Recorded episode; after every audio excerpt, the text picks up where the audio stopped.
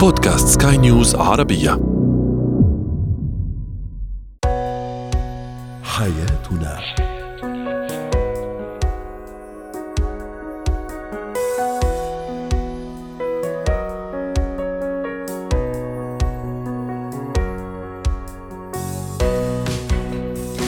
مستمعينا الكرام أهلا بكم معنا إلى حياتنا. فضاؤكم اليومي الذي يعنى بشؤون الأسرة وباقي الشؤون الحياتية الأخرى والذي يمكنكم الاستماع إليه عبر منصة سكاي نيوز عربيه dot com slash podcast وباقي منصات سكاي نيوز العربية الأخرى. شاركونا عبر رقم الواتساب 00971 561 8 6 2 2 3 معي أنا أمال شابه صفة الفضول هذه الصفة السلبية.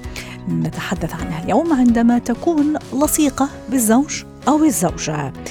تأثير العاملات المنزليات على التنشئة السلوكية والاجتماعية والثقافية للطفل. موضوع اليوم في زينة الحياة. وأخيرا نتحدث عن إتيكيت المطاعم الفاخرة. هو وهي. يعاني بعض الأزواج كما الزوجات من صعوبة التأقلم مع فضول الشخص الآخر أو الطرف الآخر اللي هو الزوج أو الزوجة، طبعا هو هي مشكلة يعني سلبية أو صفة سلبية خاصة إذا كانت في الطرف الآخر، لكن هذا لا يعني إنه انتهاء العلاقة، هذا لا يعني إنه الأمور يعني ستسوء خاصة إذا ما حاولنا نتفهم أو نعرف لماذا هذا الفضول، وأكيد في طرق وطريقة للتعامل مع الفضول عند الزوج أو عند الزوجة. للحديث عن هذا الموضوع دعوني ارحب بدكتور شافع عنيادي وارحبوا معي أيضا بدكتور شافع عنيادي الخبير في العلاقات الزوجية والأسرية. سعد لي اوقاتك دكتور شافع.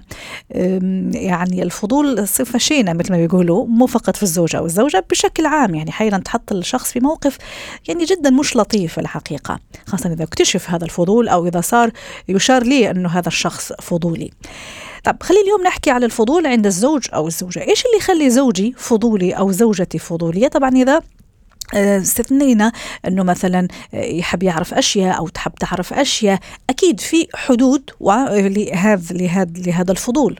طبعا لما نتكلم الفضول طبعا الفضول ينقسم لقسمين فضول محمود وفضول سلبي الفضول المحمود اللي هو دائما يحث على العلم معرفة لا يؤذي الآخرين. الآن نتحدث عن اليوم هو الفضول السلبي الذي يؤذي الطرف الآخر أو شريك الحياة صح. بحيث أنه يتدخل في خصوصياته في كثير الأسئلة في أمور كثيرة يعني يؤذيها الطرف الآخر والطرف الآخر لا يرقب فيها.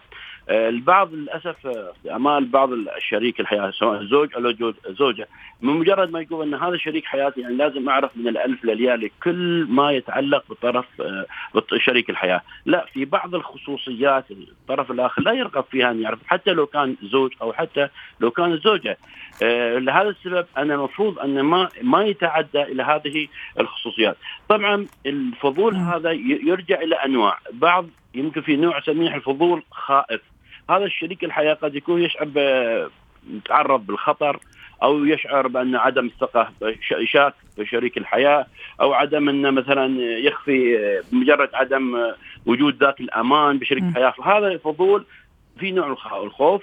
فيحب أن يتعار يعرف من الأشياء بحيث انه يأخذ الامان والطمأنينة. أها يعني بالنسبة له معرفة كل شاردة وواردة وكل صغيرة وكبيرة يخليه في مأمن ويأمن نفسه يعني إذا صح التعبير. نعم بل صحيح. فلهذا السبب المفروض من شريك الحياة يحاول يعطيه الأمان ما ما أترك هذا الزوج أو هاي الزوجة توصل للمرحلة هذه. في فضول ثاني يسمى لأنه فعلا زي ما تفضلت سامحني دكتور شافي أحيانا يتصرف الشريك أو يعني الزوج أو الزوجة بتصرفات تثير فضوله أكثر وأكثر مع العلم إنه هو عنده شوية فضول فلما أتصرف بتصرفات ممكن يصير فضوله أكثر وأكثر. فإشباع هذا الفضول طبعا من غير ما نتعدى أو نخليه ما يتعدى الخصوصية اللي موجودة عندي أو عند الزوج هذه كمان من النقاط المهمة. وعلى ذكر الخصوصية معلش راح أروح لنقطة حضرتك أشرت لها ضمنيا وحابة أتوقف عندها مرة أخرى. كزوج وزوجة أحيانا ما نفهم وما نتقبل فكرة أنه أنا عندي مساحتي كزوجة وأنت كمان عندك مساحتك كزوجة. كزوج عفوا كوننا يعني شريكين تحت سقف واحد لا يعني عدم احترام الخصوصية. للأسف مثل ما قلت أمال البعض يفتكر على أن الحياة الزوجية خلاص ان الفتى يعني لازم تكون كتاب مفتوح كامل للشريك الحياة. وهذا طبعا خطأ لأن هذا الطرف الآخر في له أسرار مع أخوانه مع أشقائه مع ذاته مع في أمور كثيرة. بس للأسف من وجد هذا فضول الخوف هو الذي يعني يجعل طرفه أنا أنا أريد أعرف فليس معنى زواج يعني معناتها لا تترك هناك مساحات. حتى أنا دائما حتى في بعض أحيان السفر أو ما شابه ذلك لابد أن تكون شريك الحياة نوع من الخصوصية على أساس يعني في أمور خصوصيات هوايات وغير ذلك. وتجنب هذه النقطة. ولا أترك الطرف في نوع من هذا الفضول الخائف في فضول ثاني هو فضول يسمونه ping pong وهذا الفضول شخص دائما يتكلم عن نفسه بشكل كبير في مواضيع يعني عن خصوصياته لكي الطرف الآخر وشريك الحياة يتحدث. أنا الآن سوف أذكر والله رحت اليوم جلست مع أصحابي جاني فلان وفلان وفلان في المجلس وجلسنا. هو ماذا يريد؟ يريد أن يعرف أنت لما رحت مع زميلاتك مثلا من جلس معاكم وشو قلتوا وكذا كذا فهو يتحدث عن نفسه من باب انه يريد يفتح المجال للطرف الآخر. أنت بعد بلغني. أنا بلغتك عن خصوصيات أنت بلغني من باب هذه الخصوصيات وهذا المفروض بعد يكون وبعدين يجي يقول لها أنا أحكي لك كل شيء ليش أنت ما تحكي لي كل شيء؟ أو العكس تقول له أنا طيب ما نحكي لك كل شيء. إيش معنى أنت ما تحكي لي كل شيء؟ وهون كمان يبدأ الخلاف وال... والنقاشات الحادة والعقيمة في الحقيقة لأنه ما تودي لأي نتيجة. المشكلة إنه يحكي بأشياء هو ما يعتبرها خصوصياته بالنسبة له أيوة. هو يريد من الطرف الآخر هذا يعني مثلا على فكرة كمان عم تحكي نقطة في غاية الأهمية بدي أتشكرك عليها ويا ريت نسترسل فيها.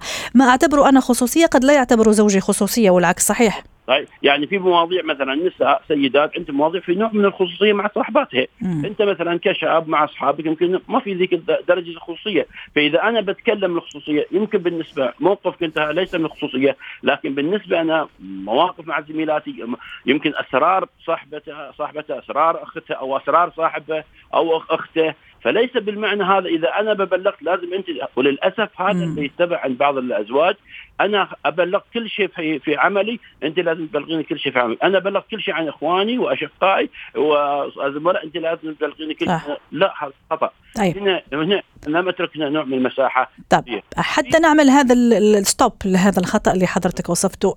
كيف وشو الصح في هذا الموضوع. إذا زوجي جدا فضولي أو زوجتي جدا فضولية والأمر عم يزعجني في الحقيقة أو حتى يحرجني أحيانا مع زي ما تفضلت مع أقارب مع ناس مع عائلة مع أصحاب. أنحرج أنا كزوجة من فضوله. خلص صار باين واضح على الملأ.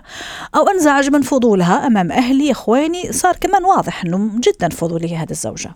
لابد أن في الأمور تكون واضحة في حدود لبعض الخصوصيات وبعض الأمور اللي لا لا تتحدث، يعني مثلا كالزوج أنا في بعض الأمور أعتبرها خاصة مثلا لا أحب أن اذكرها عن عملي، أو الزوجه مثلا أنا في بعض خصوصياتي مع زميلاتي أنا لا أحب أن اذكرها لك أنت، فهنا أضع حد من البداية أن في بعض الخصوصيات اللي ما مرتبط بي أنا بأبنائنا وبحياتنا ممكن أنا لكن في بعض الأمور مثلا مرتبطة بصديقاتي مرتبطة بأشقاء أشقائي وما شاء أنا لا أحب أن أذكرها أو اني أكلمك فيها ليس نعم. إلا لأن هاي تعتبر خصوصيات الطرف الآخر غير ذلك حتى لما يجيني هذا الشخص الثاني احاول أن اغير الموضوع نعم. وأنتقل بموضوع آخر يعني احول نعم. الموضوع إلى مزحة ما أعطيه المجال انه يسترسل في في في الفضولة ولا هذا نعم. واحيانا واضح. ممكن أستخدم لغة الجسد. يعني من سؤالك ملامح لغة الجسد تبين السؤال أو هذا شيء خاص آه، ما أقدر أحدثك فيه. يعني ما يحتاج نحن أعطيه نوع من المجال هذا. آه وبعدين انتبه نحن ما نريد امال الجفاف والقسوة في الرد. طبعا. إجابة لطيفة. هذه حياة زوجية. فإذا كان كل فضول أرد عليه برد قسوة آه، الحياة الزوجية بتعيش حياة جحيم. صحيح. لازم يكون في نوع رد لطيف في نوع رد مختصر آه، بحيث أني ما أعطيه معلومات ذات أهمية ولا أعطيه تفاصيل. يعني أشاركه باهتماماته أشاركه آه، بافكار يعني مثلا الفضول الخايف أنا لا لا أترك هذا شريك الحياة يصل للفضول نعم. أعطيه نوع من الامان صحيح. في لا يوصل لهذه المرحلة. صحيح وأكيد زي ما تفضلت الأسلوب والحوار لما يكون لطيف أكيد الطرف الآخر راح يتقبل إذا كان متفهم يتقبل يعني عدم آه، رغبتي في يعني اعطاه هذا هذا الأشياء اللي هو بده إياها بحجة يعني أو بسبب إنه أنا يعني عندي هذا الخصوصية وعليه يحترمها وعليها أيضا تحترمها. شكرا لك دكتور شافع النيادي ضيفي العزيز الخبير في العلاقات الزوجية والأسرية وأتمنى لك أوقات سعيدة. زينة الحياة. اليوم سنفرد مساحة آه، في آه، فقرة زينة الحياة للحديث عن وتسليط الضوء على يعني موضوع جدا مهم في الحقيقة. ويا ريت يعني الناس تستمع لنا اليوم في هذه الفقرة آه، لأنه الكلام موجه لأولياء الأمور للأمهات والأباء عن تأثير العاملات المنزليات على التنشئة السلوكية والاجتماعية والثقافية للطفل. اللي عم يسمعنا يقول يا الله يا سلام كل مرة تحكونا على هالموضوع صحيح؟ لأهميته ولخطورته كمان في نفس الوقت. رحبوا معي بدكتورة هبة شركس الخبيرة التربوية ضيفتي العزيزة. أهلا وسهلا دكتورة هبة.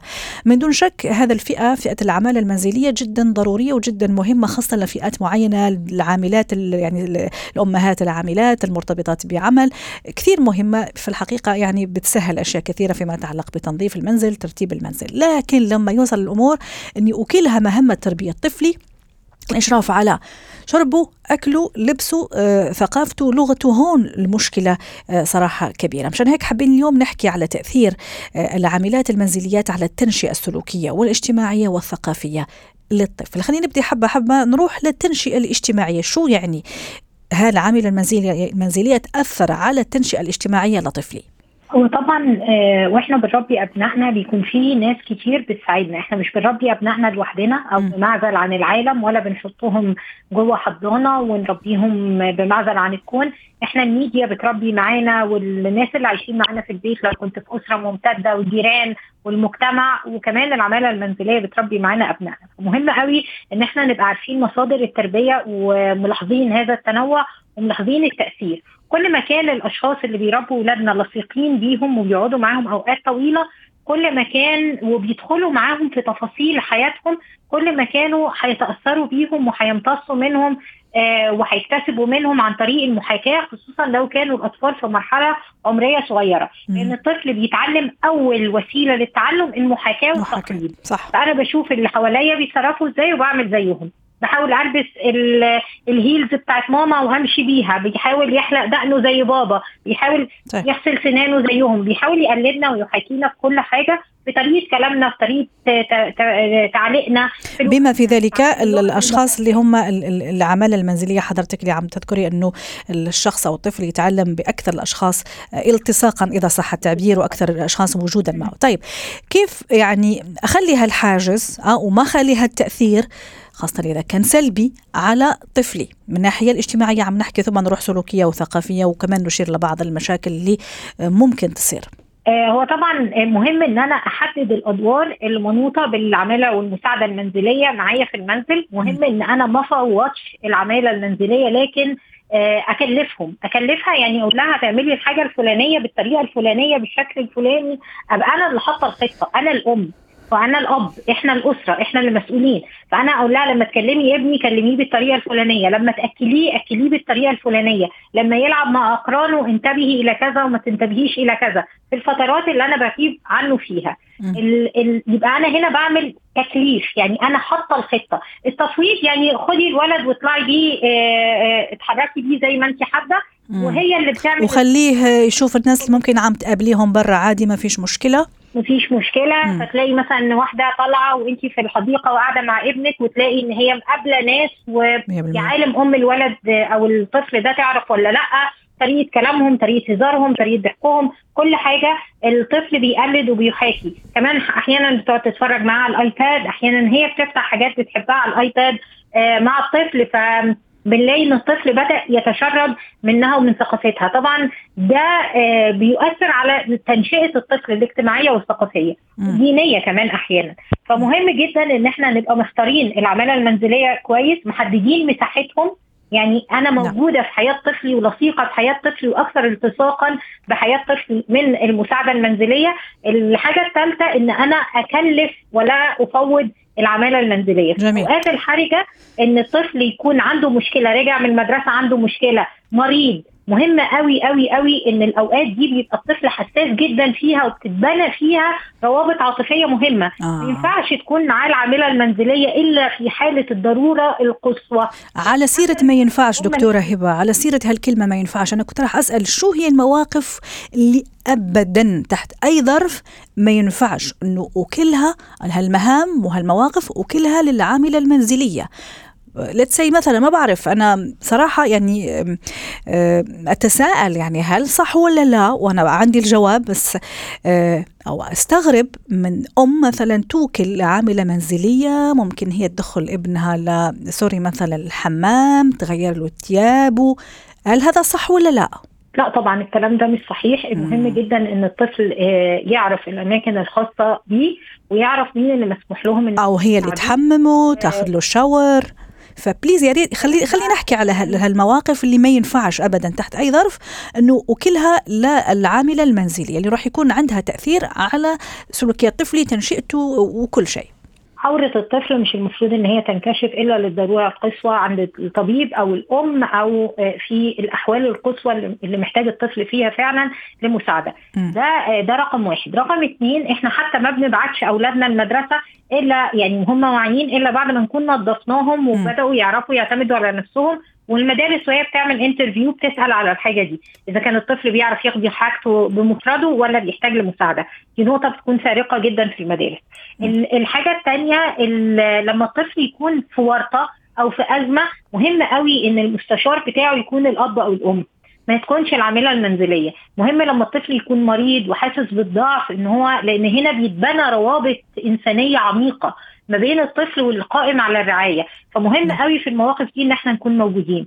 كمان الحاجة الثالثه الوعي بتاعنا. يعني غير ان, إن هو بيتبنى روابط عميقة فمتخيلة طفل يكون مريض واللي بتطببه ممكن تكون العاملة المنزلية اللي مش متعلمة والأم ممكن تكون دكتورة. وسايباه وبياخد الدواء غلط وما بياخدوش في مواعيده مش حاسس بالحنان مش حاسس بالعطف بينام مع العاملة المنزلية. وحتى اللعب ترى اللعب يعني هو هو هو وقت يعني هو وقت مستقطع ووقت فيه من المشاعر زي ما تفضلتي. يعني اللعب شيء شيء كثير رائع بالنسبة للطفل وعالم جميل.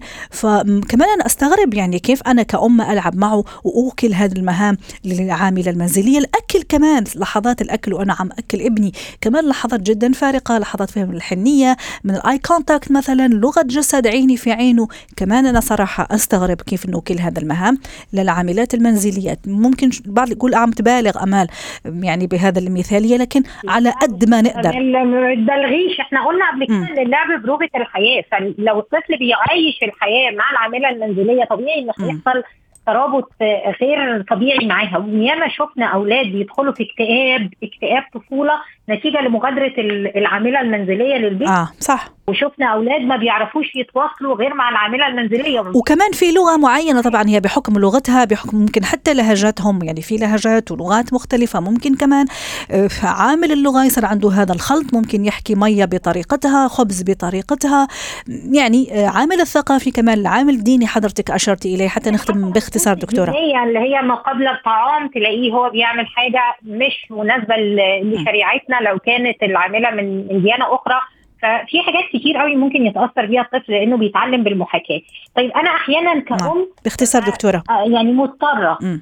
مضطرة أنا عندي وقت دوامي ابني بيرجع من المدرسة قبل قبل ما أنا أرجع طيب مين هيأكله؟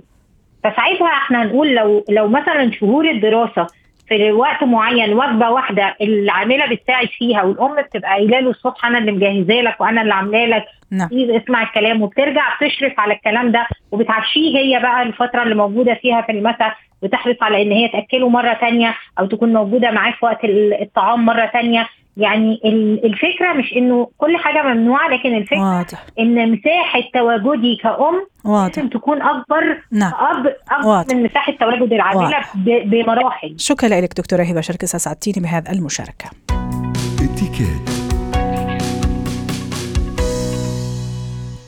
اليوم اتكات الحديث عن المطاعم الفاخرة. رحبوا معي بناتالي أندراوس خبيرة اتكات أهلا وسهلا ناتالي. إحنا مقبلين على نهاية أسبوع. ممكن نعزم ناس على مطعم فاخر five stars أو نعزم كمان على مطاعم five stars شو اللي لازم وشو اللي ما يلزمش في هيك أماكن ومواقف. مرحبا أمال. أكيد الواحد يعتبر إنه المطاعم الفاخرة هذا الشيء بيعطي لذة وخاصة مثل عم تقولي نحن على قادمين على ال weekend من أهم القواعد لازم نحن ننتبه لها وقت ما نكون انه في عنا زيارة المطاعم الفاخرة.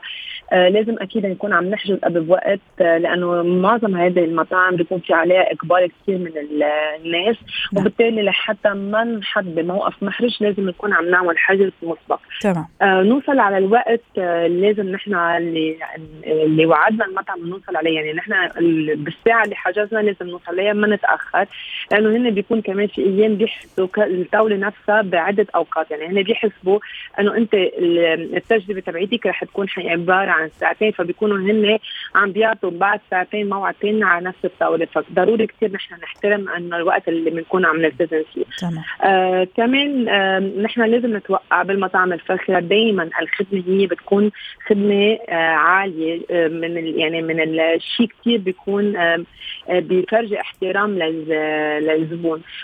فممكن كثير يرافقوك على الطاولة إنه بيستقبلوك على الباب وضلوا مرافقينك على الطاولة فنحن ما نتفاجئ إنه عم بيرافقنا من الموظفين بالمطعم على الطاولة. ممكن حتى آه، يوصل لمرحلة يزيح الكرسي مثلا إذا في سيدة لحتى يساعدها تقعد بطريقة مضبوطه. آه كمان من الأمور اللي لازم ننتبه لها هي استخدام النابكن أو المنديل. بهذا المطاعم بالذات بيكون في بيحطوا مناديل. ولازم نعرف إنه المنديل هو موقعه على الحضن وليس على الطاولة. وليس آه ما بعرف إنه غير محل. يعني هو دغري نحن لازم تكون عندنا حركة تلقائية نشيل المنديل ونفتحه ونحطه على الحضن تبعولنا. آه، أكيد في طرق معينة بنبقى يمكن نشرحها بغير طريقة بغير حلقات آه، آه، هلأ بالنسبة لل في عنا دائما على الطاولة بيكون في وجود للكاتلريز يعني نحن إن كان الفضيات أو يعني الملاعق والشوك أو الكبايات أو الصحون بيكونوا كتار عادة بهذه المطاعم الفاخرة. وبالتالي إنه الإنسان ممكن إذا منه متعود يضيع يحس حاله إنه منين بدي بلش وأي كبايه بدي شو اسمه استعمل وأي شوكة بدي استعملها. هي قاعدة بسيطة جدا. أول شيء نحن بالمطاعم الفاخرة بالنسبة للمشروبات عادة إنه اللي بيكون عم يخدم على الطاولة آه، هو اللي بيكون عم بيقوم بعملية آه، الصب بقلب الكاس فتلقائيا هيدا شوي بتزيح آه، عبء عن عن كحلنا إنه هو نعم. بيكون عم بيحدد لنا بأي كباية. نحن ما نشرب كل نوع من المشروبات. بالنسبة للشوك والسكاكين دائما إذا في عنا أكثر من وحدة بنبلش من برا. ومن كافي لجوا يعني نعم. عادة مثلا آه وبهدول المطاعم عادة كمان آه امل آه بيكون في شيء اسمه set menu يعني أنت ما بتتعذبي حتى تنقي من المنيو. بس إذا آه، في انت بمحلات حبيتي تظهري وتنقي قصص شوي غريبة منا من ال set menu لازم كثير نحن نحترم الأشخاص اللي بيكونوا متواجدين معنا. ننقي عدد الأطباق يكون equal آه، آه، معادل للأشخاص اللي بيكونوا يعني إذا هن نقوا ثلاثة نحن ننقي ثلاثة إذا هن نعم. نقوا اثنين نحن ننقي اثنين. ما نتع... نتخطى العدد أو نقلل من العدد اللي هن الأشخاص اللي بيكونوا موجودين معنا على الطاولة انه عم بيطلبوه. آه، بعد أي وكمان حتى نختم نتالي في أقل من 30 ثانية بالنسبة لللبس كمان بالنسبة لل يعني الهندام أكيد لازم يكون مناسب لهيك أماكن باختصار. آه، بالطبع في بعض المطاعم عندها هي dress code معين لازم نحترمه. آه، أكيد آه، الغير محبذ ابدا نكون رايحين بثياب sport أو ثياب كثير مخزقة. في اللي هو اللي عم نحكي ال business casual أقله يكون إنه ملبوس على هيك نوع من المطاعم. واضح. وبهمني بهمني كثير إنه الفت النظر إنه نحن وقت بنكون عم نتعامل مع نعم. الشخص اللي عم بيخدمنا على الطاولة لا نعيط كثير بصوت ولا إنه يعني نعمل حركات كثير لحتى يجي العمل لأنه عادة صحيح. المطاعم بتكون مش وتكون عادة هالمطاعم يعني هادئة يعني الهدوء فيها أكثر. شكرا لك ناتاليا اندراوس ختام حلقة اليوم من حياتنا. شكرا لكم والى اللقاء